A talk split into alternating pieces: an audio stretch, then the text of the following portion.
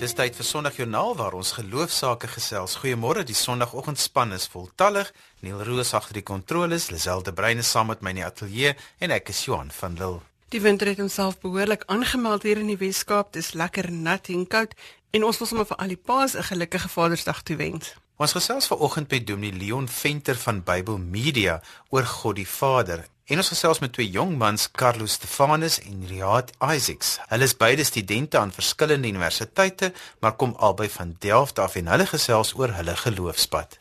Dr. Janie Leroux gaan ook later by ons aansluit om te gesels oor jonk van gees wees. Maar jy hoef niks mis te loop nie, want onthou jy kan Sondag Joernale se potgooi gaan luister op RSG se webwerf by rsg.co.za en jy kan ook al ons programinligting daar kry sowel as op ons sosiale media bladsy. Onthou jy kan ook vir ons 'n SMS stuur by 45770 teen R1.50 per SMS as jy wil saamgesels. MUZIEK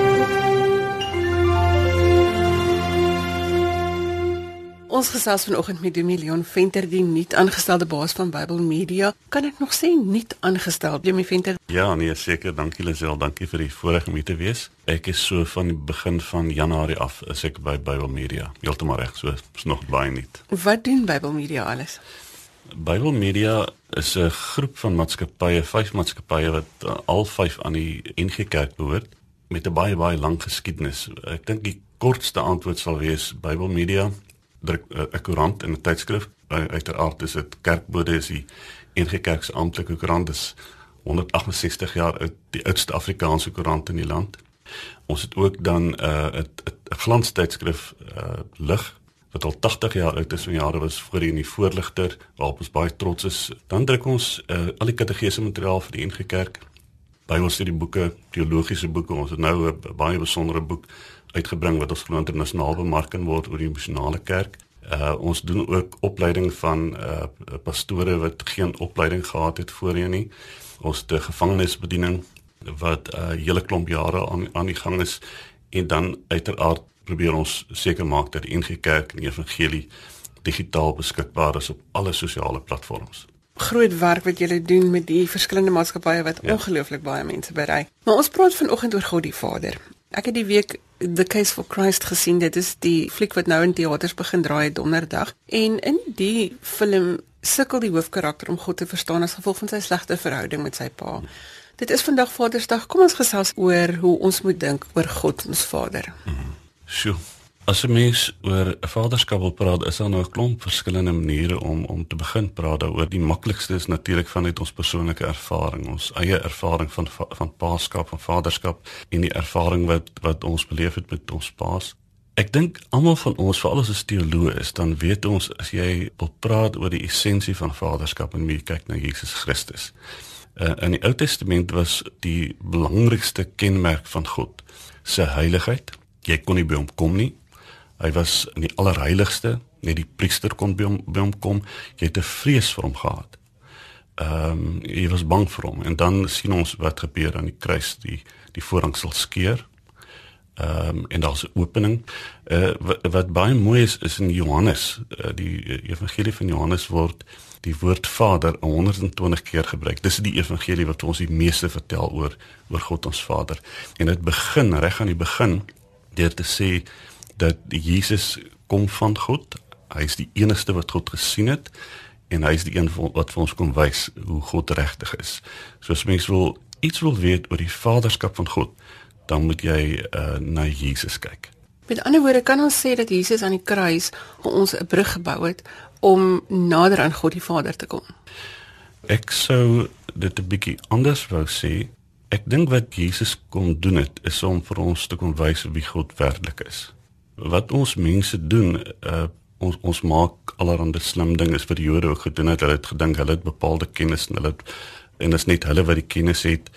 En hierdie kennis is eintlik net vir 'n klomp uitverkore mense. Wat Jesus kom doen is om te sê maar dis nie hoe God is nie. God is nie uh, die een wat agter 'n gordyn weg is nie. God is die een wat naby is. God is die een wat homself bekend maak as die Vader vir die ganse mensdom. Dit beteken natuurlik nie dat almal God se kinders is nie daar is 'n plek waar Jesus ook in in, in Johannes 3 van Nikodemus sê as jy 'n kind van die Vader wil word, moet daar iets gebeur. Dan moet 'n weergeboorte plaasvind. En dis 'n misterieuse proses. En daarom kan niemand van ons roem dat God ons Vader is en dat ons sy kinders is nie. Dit is ook 'n stuk ongelooflike genadegawe en dis net te voorreg. Ehm um, en 'n diep dankbaarheid. Kan ek die volgende sê by gelowiges en in gemeenskappe en kerke waar mense verstaan dat God ons Vader is en dat hy uh, in genade homself openbaar aan ons Vader is daar 'n baie belangrike ding wat jy raak sien.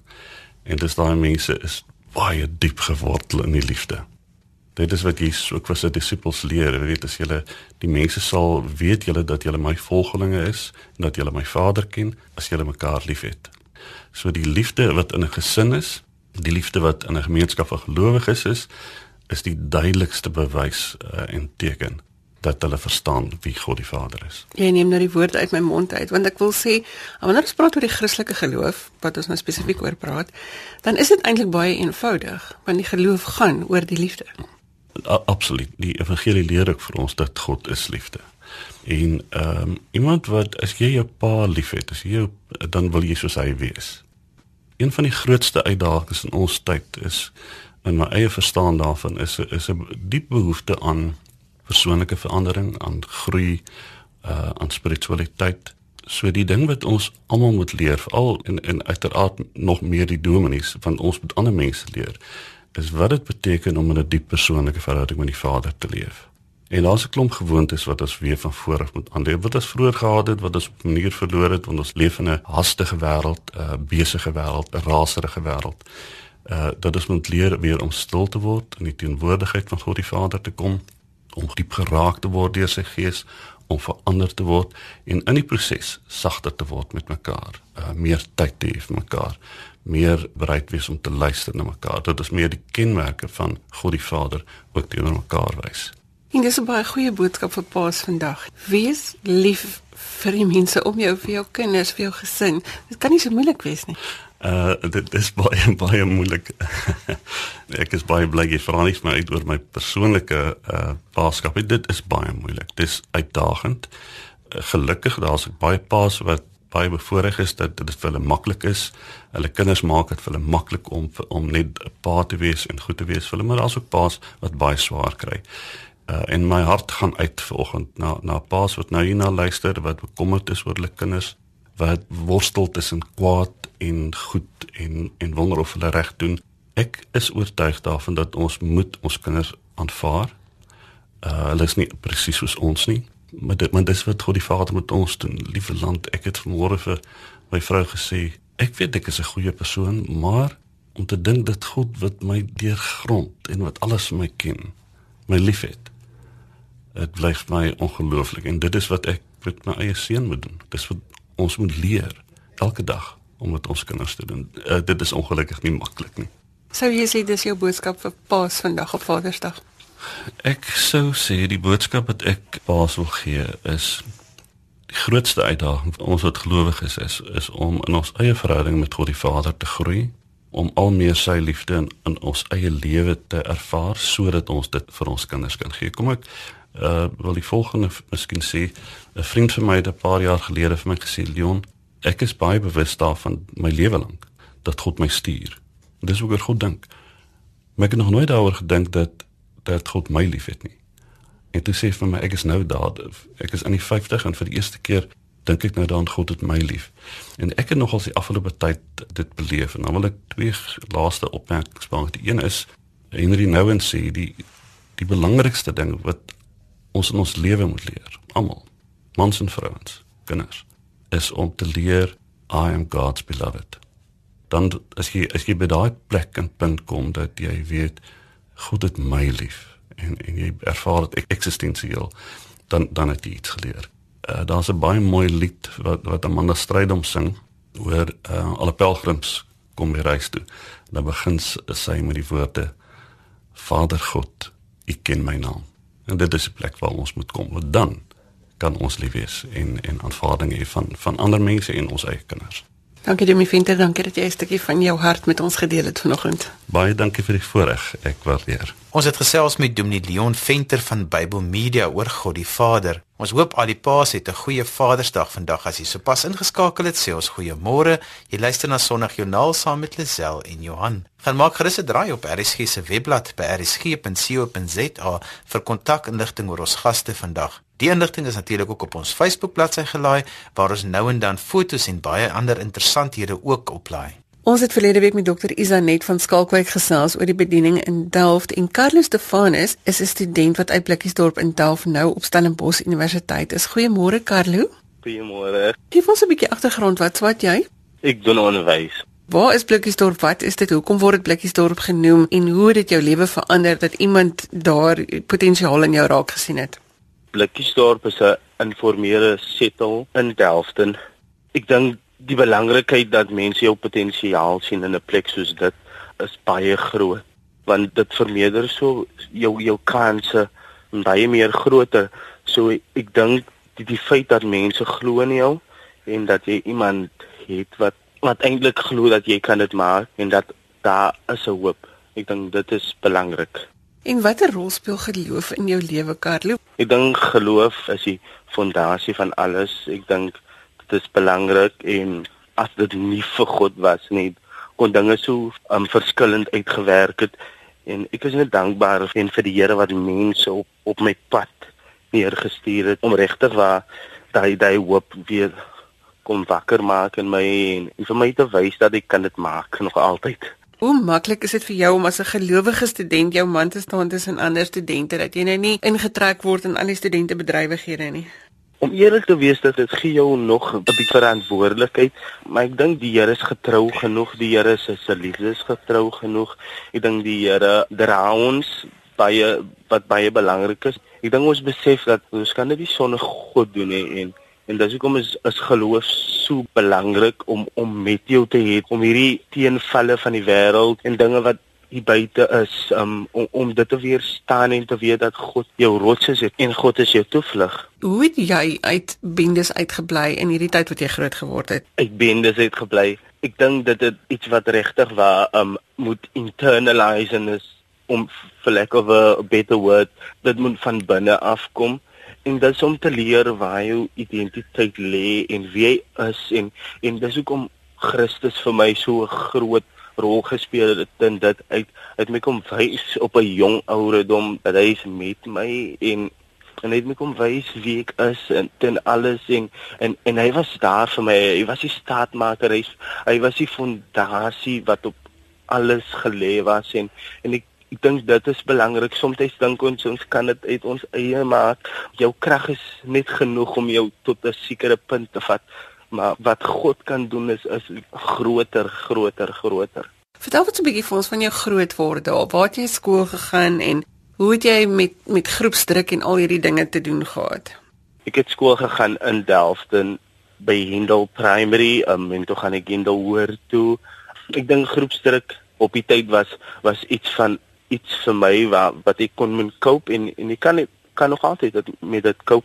Dis net daai tyd mens baie um leiding moet ken. Daai tyd het mens baie moet ken om om vir jou te sê dat jy kan dit maak en en dit is moontlik en despite van wat wat rondom jou aan aangegaan het net die feit dat hy mense vir jou kan sê dat daar 'n tweede kans en daar's hoop en daar's hoop in 'n hopelose situasie dit is die die lig Carlo, het jy met 'n ma en 'n pa groot geword? Nee, nee, ek het net met 'n ma groot geword met vyf ander broers en susters. Hoe verskil universiteit van waar jy groot geword het, Carlo? Hemels, ek dink waar ek groot geword het, was daar klomp ander faktore wat in in speel was wat my as persoon as jong persoon geaffekteer het en en wat belangrik is dat mens gefokus bly gedurende alles dat en, en universiteit het my baie kom leer van verantwoordelikheid en en hoe om op jou eie staat te maak. Ons het nou net jeugdag gevier. Wat sal jou boodskap wees vir ander jong mense want jy kom uit omstandighede uit waar jy regtig moes vasbyt voordat dit met jou begin beter gaan het? My boodskap aan aan jong mense is vind iets waarvoor jy lief is.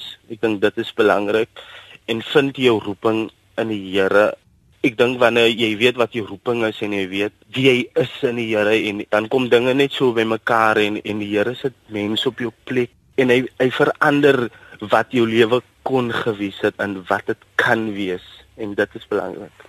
En wat doen jy vakansies as jy nou nie by die universiteit is nie?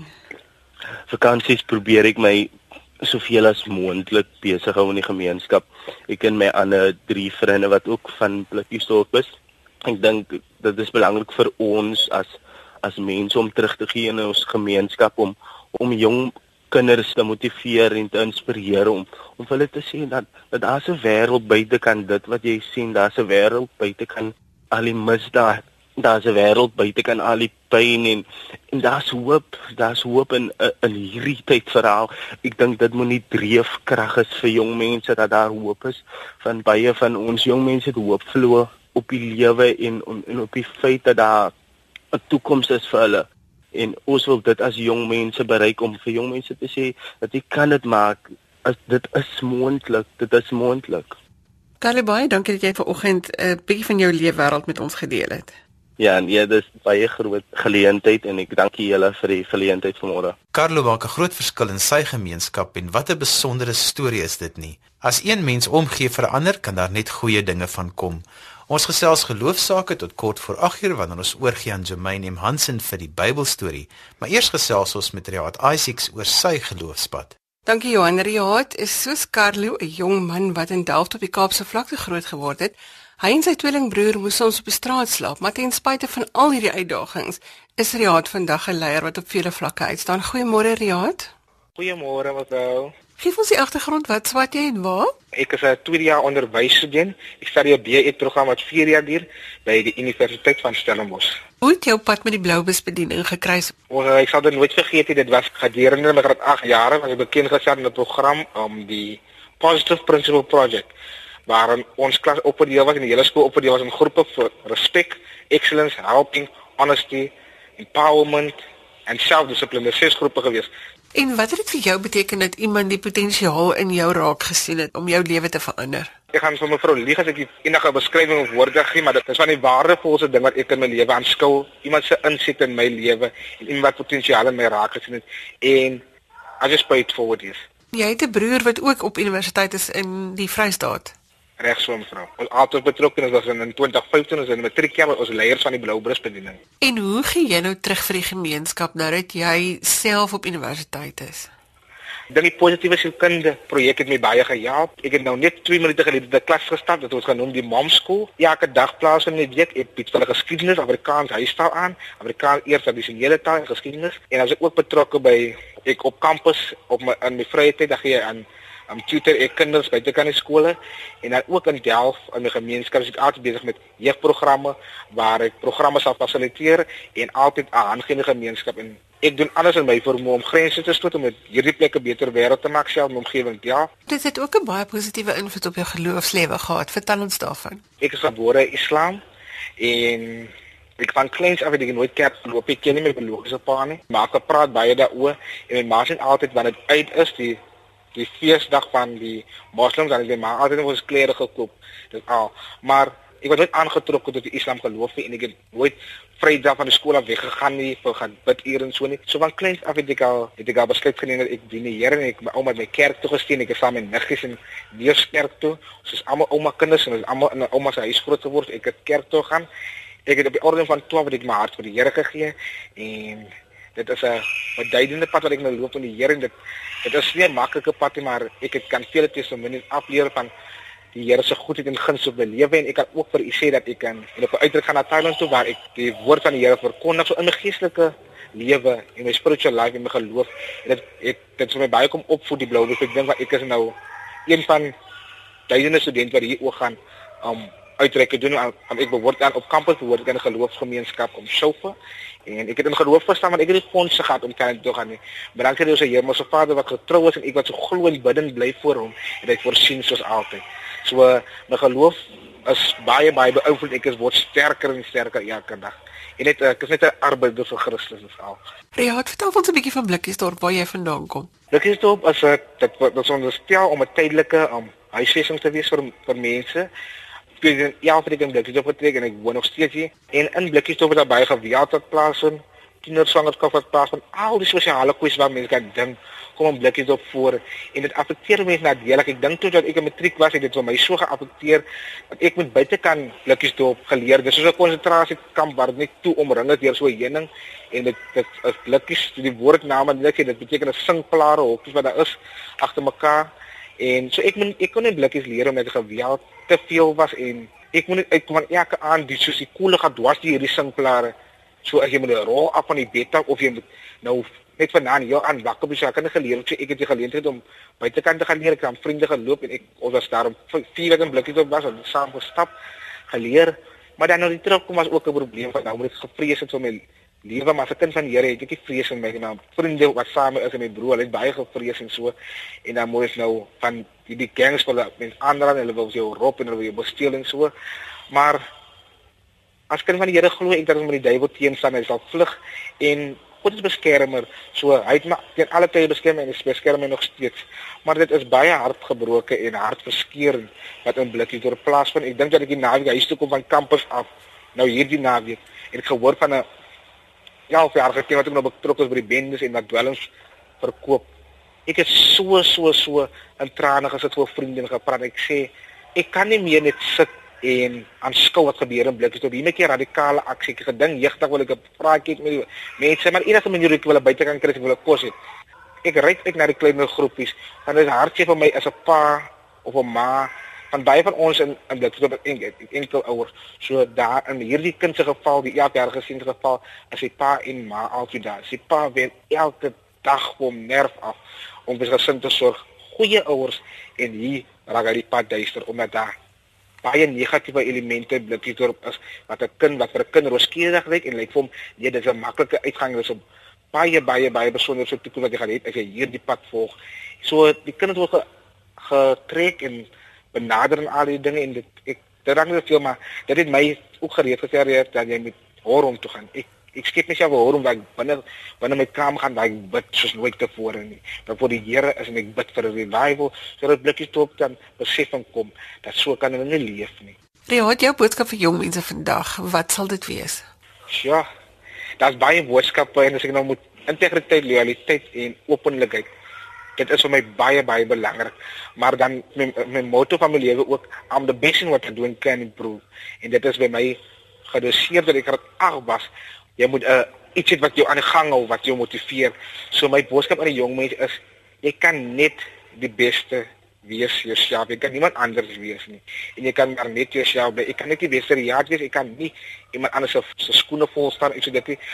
As jy vasbly aan wat jy het en die beste van maak aan wat jy het en al daardie negatiewe dinge en struikelblokke wat jou verhinder om sukses te behaal, miskien gebruik dit as 'n groot motivering in jou lewe te volhard teen alle struikelblokke en die beste maak van alles van jy kan as jy glo as all is all about how bad do you want it. En dit gaan nie oor sukses nie maar ook oor selfbeeld. Dis kom sê ek wat mense van mense sê daar gaan altyd iets te sê dat mense oor jou te sê soos jy kobbel en weet net wie jy is ons is 'n master vir die gemaak deur ons deur ons koning Jesus so on en is ons in sy beeld gemaak. So daar is nie 'n ding van lelik en mooi nie. Mense maniere mag nie miskien aantreklik is nie, maar jy is mooi. En jy moet nooit daarin voel wat ander mense sê dat dit nou swak self swaklik lyk maar dat jy net die beste jy moet wees en dat jy altyd glimlag. Want die lewe skuld my niks en daar's so baie wat ek voor dankbaar is my liewe Jesus en en daar's so baie wat ek wil doen vir ander mense om hulle net gelukkig te sien. Ja, baie dankie dat jy jou storie vanoggend met ons gedeel het. Dit is 'n baie baie groot plesier. En so gesels die 20-jarige Riaat Isaacs oor sy pad vanuit Blikkiesdorp tot op universiteit. Riaat en Carlos beide baie passievol oor verskil wat hulle in hulle gemeenskap maak. Ons gaan volgende week gesels met Gerard Olivier en David oor hulle werk en geloofspad. Maar nou gee ons eers kans vir Dr. Janie Leroux wat hier by ons in die ateljee is om te gesels oor jonk van gees wees. Ons wil vanoggend 'n bietjie geïnspireer word oor jonk van gees wees. Janie, ons het nou jeugdig gevier, dis Vadersdag gesels met ons daaroor. Weet jy, as ek dink aan iemand wat jong van gees is, dan kom daar twee prentjies by my op. Die een is van 'n jonger vrou wat in haar lewens uitkyk en haar manier van optree, wel kan ek maar sê eintlik stokoud is. Uh, selfs haar liggaamsbewegings en manier van praat is al die van iemand wat se liggaamskragte net eenvoudig ontneem is. Maar sy's nie siek nie, sy's nie oud nie. So sy's al oud van gees op 'n jong ouderdom. Die ander prentjie is van 'n vriendin wat nou al in haar 80's is. En enkele jare terug het sy vir haar rekenaar gekoop. En die rede was sy wil quiltpatrone van die internet aflaai sodat sy haar stokperdjie kan beoefen en sommer ook in dieselfde proses met haar vriende oor see weer kontak maak. En sy gaan toer ook gereeld. So jong van gees het nie met ouderdom te maak nie. Jong van gees is 'n positiewe ingesteldheid. Dis om 'n groeiperspektief op die lewe te hê. Dis om die lewe passie te leef, energie en 'n doel in die lewe te hê. Ek bly sê so want ek sit sommer dadelik regop en glimlag toe jy so begin gesels. Ons weet almal van mense wat swaar kry. Sou dit vir hulle moeiliker wees om jong van gees te wees? Ek dink jy ons moet mense se swaarkheid sommer net ligweg opneem. Die mense kry regtig swaar. Mense ervaar, daar's mense wat elke dag erge seer en lyding ervaar. Maar dis my opvallend dat sommige mense in die mees intense swaar nog steeds jong van gees bly. Hulle laat hulle nie onderkry deur die situasie nie. Die situasie breek nie hulle moed nie. Hulle het wat in Engels bekend staan as resilience, daardie veerkragtigheid. Hulle slaag daarin om verrassings en veranderings of die goeie of die slegte op 'n gesonde en doelgerigte manier te hanteer. Ons het gehoor vanoggend van twee jong manne wat wel ook hierdie veerkragtigheid of resilience getoon het. Hoe kry 'n mens hierdie veerkragtigheid om jong van gees te bly? 'n Deel van die aspek is jou persoonlikheid natuurlik. Party mense is 'n bietjie meer positief georiënteer. Maar die goeie nuus is dat jy dit kan aanleer. Die navorsing wys dat jy moet werk aan wat jy glo, met ander woorde hoe jy dinge sien. In die Engels sou mens kom praat van jou beliefs. As jy glo iets gaan te veel wees vir jou, dan vind jou brein redes hoekom dit te veel is vir jou. As jy glo dat jy met God se hulp die situasie te bowe gaan kom, dan gaan jy op 'n positiewe manier leer hoe om daardie slegte situasie te hanteer. En vir my is dit belangrik om te besef die belangrike ding is die vraag of die manier hoe jy jou vrae vra. As jy vra waarom iets met jou gebeur, dan kweek jy vir jouself 'n slagoffermentaliteit. Baie gou as jy nie keer nie, want jy voel alles en almal is teen jou. So jy vind redes om te blameer en op 'n probleme te fikseer. So as jy 'n waarom vra, dan moet jy eintlik 'n groter waarom vra. Dis die vraag na jou roeping en die doel in jou lewe. En binne daai groter roeping en doel vind jy 'n effektiewe rede hoe jy ook die slegte kan verwerk. Dan gee jy sin daarin. Nou daardie groter waarom kry jy eers wanneer jy aan die vraag vra, wat? Wat is die storie wat ek myself vertel? Wat dink ek hieroor? Wat voel ek hier? Wat is regtig aan die gebeur? So as jy daai wat vraag eerlik vra, dan kan jy werk daaraan om dit in te pas in jou doel. Hoekom is ek dan nou hier? En nou is dit nie meer die waarom van negativiteit nie, maar van intentionaliteit. Jy kies intentioneel hoe jy dan die lewe hanteer. Ek hou van Dawid wat sê in Psalm 18 vers 30: "Want met U loop ek 'n bende storm en met my God spring ek oor 'n muur." So jou roeping gee jou groter perspektief om mee te werk. Jy verstaan jou lewe as bedoel en dit gee veerkragtigheid of resilience dan. Nou mense wat jong van gees is, voel hulle 'n doel in die lewe. Hulle voel ek is bedoel om hier te wees. Ek gaan 'n verskil maak. Ek gaan 'n impak hê. Jy het nou gepraat van veerkragtigheid. Nog iets wat help om iemand jong van gees te hou? Een van die goed wat my tikkel is om gereeld uit my gemaksone te gaan. Die ek was eendag in 'n geselskap waar die Hollandse persoon gepraat het van nestgeur. Ek vra wat is nestgeur? Hy sê comfort zone. Nou dit is om buite my nestgeur, my comfort zone te beweeg. As jy oomblik iets doen wat jou effe angstig maak, dan stimuleer dit 'n klomp hormone wat jou kan help om goed te voel. Ek bedoel nou nie jy moet gaan verkeerde goed doen nie. Om te toer in 'n ander deel van die land of in 'n ander deel van die wêreld, neem jy mos net uit jou gemaksone uit. Ehm um, iemand het ons eendag sommer in die middel van Kaapstad na 'n plek toe geneem so jy loop so van die een straat na die ander, maar al die oosterse kosse is van hierdie een straatblok tot die ander. En skielik voel ons in 'n totaal ander wêreld. Of jy stap in 'n kunsgalery rond en sien ander mense se uitdrukkings van die lewe. So jy sien uit na iets anders wat jy kan doen. So moenie dadelik nee sê as iemand jou nooi om iets anders te doen nie. Jong van gees het te maak met 'n drang om meer te leer. Dis 'n gesonde nuuskierigheid. Carol Dweck sê juis in haar boek Mindset dat mense wat met 'n groei ingesteldheid leef, hulle glo hulle mees basiese vermoëns kan nog meer ontwikkel word. En jou brein en talent is maar net die beginpunt. Jy ontwikkel nog al hoe verder en dit neem jou buite jou gemaksone en so kweek dit 'n liefde vir leer aan en dan die veerkragtigheid wat jou motiveer. So mense wat jong van gees is, bly leer en leer is altyd aan die kant jou gemaksone, so dan bly jy groei. O ja, dit herinner my ook dat mense wat jonk van gees is, is bereid om ander jonger en met 'n ander lewenskyk as hulle ook 'n kans te gee. Ek het dit nogal by my skoonpa geleer.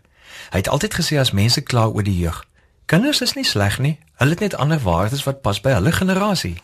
Hulle waardes is nie noodwendig verkeerd nie. So moenie dink jou manier van doen is die enigste regte manier van doen nie.